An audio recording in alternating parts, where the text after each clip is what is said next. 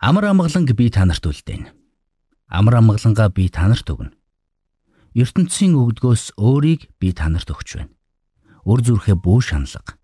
Бүү төгшөцгөө. Йохан 14-ийн 27. Мэргэний сонсог, мэдлэгийн тэлэг. Ухаалх нь мэрэгэн өдөртөмжийг мөн авах. Доктор Харалт цаалогийн мэрэгэн зөвлөмж нэвтрүүлэг.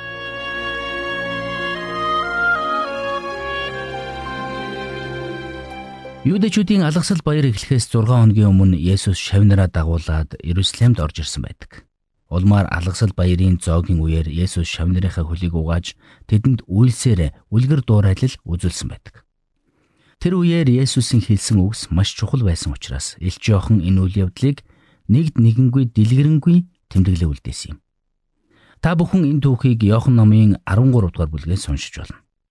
Тэгвэл тэр орой Есүс шавнартай хандан Амар амгаланг би танарт үлдээн. Амар амгалангаа би танарт өгнө. ертөнцийн өвдгөөс өөрийг би танарт өгч байна. Өр зүрхээ бүү шаналга, бүү дүгшицгээ гэж онцгойлон загсан байдаг. Есүс өөрт нь цаг баг үлдсэнийг мэдэж байсан учраас ардаа үлдэж байгаа шав нартаа амар тайвныг үлдээсэн юм. Энэ бол үнэхээр гайхамшигтай өв юм. Зарим хүмүүс амьдралынхаа туршид гайхамшигтай амжилтанд хүрч олон сая долларын хөрөнгийг цуглуулсан байдаг.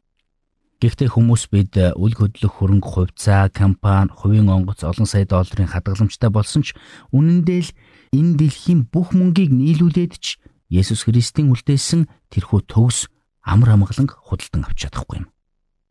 Есүс энд хэлэхдээ амар амгалангаа өгнө гэж хэлсэн. Өөрөөр хэлбэл энэ нь зөвхөн Есүс Христийн өгдөг амар амгалан юм. Энэ бол энэ дэлхийн бидэнд өгдөг амар амгалангаас тис өөр юм. Хэрвээ та түүхийн хуудсыг сөхөд харах юм бол улс орнуудын байгуулсан энхийн гэрээнүүд төдийлөн удаан үргэлжилдэггүй гэдгийг харж байна. Улс үндэстнүүдийн байгуулсан бүхий л энхийн гэрээнүүд эрт орой хизээ нэгэн цагт цуцлагддаг. Харин Есүс Христийн үлдээсэн амар амгалангийн өв мөнхөд үргэлжлэх болно. Энэ цагт та дээр хүүгийг хэлсэн хэн нэгний тухай хэсэг зурч болов эргцүүлэн бодоод үзээрэй. Эзэн Есүс дээрх үгсийг хүчит салхи шуурга дэгдэхийн өмнөхөн хэлсэн юм.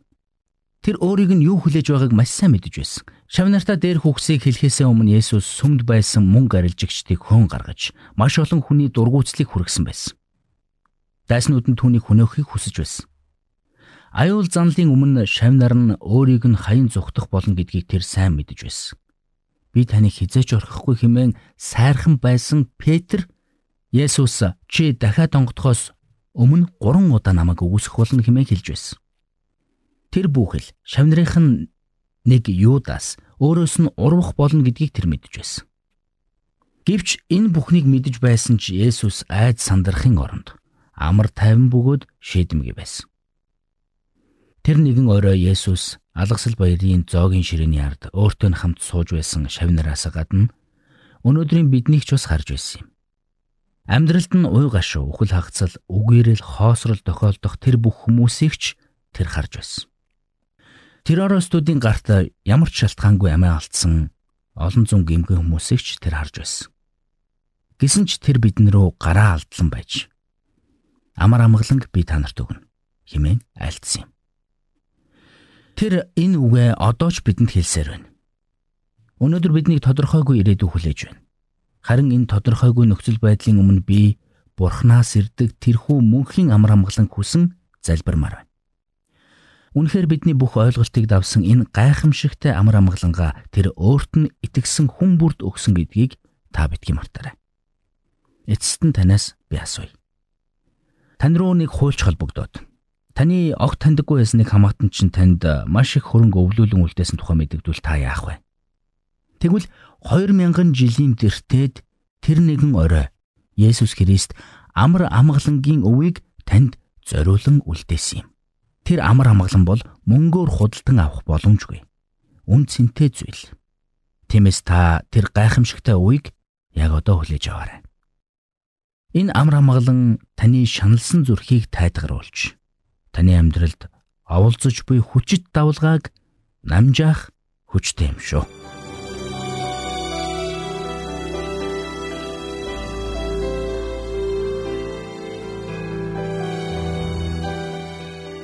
Мэргэн нэгнийг дагвал мэргэн, мулгуутай нөхөрлөвл хорлол. Доктор Харалт Салигийн мэрэгэн зөвлөмж нэвтрүүлгийг танд хүргэлээ.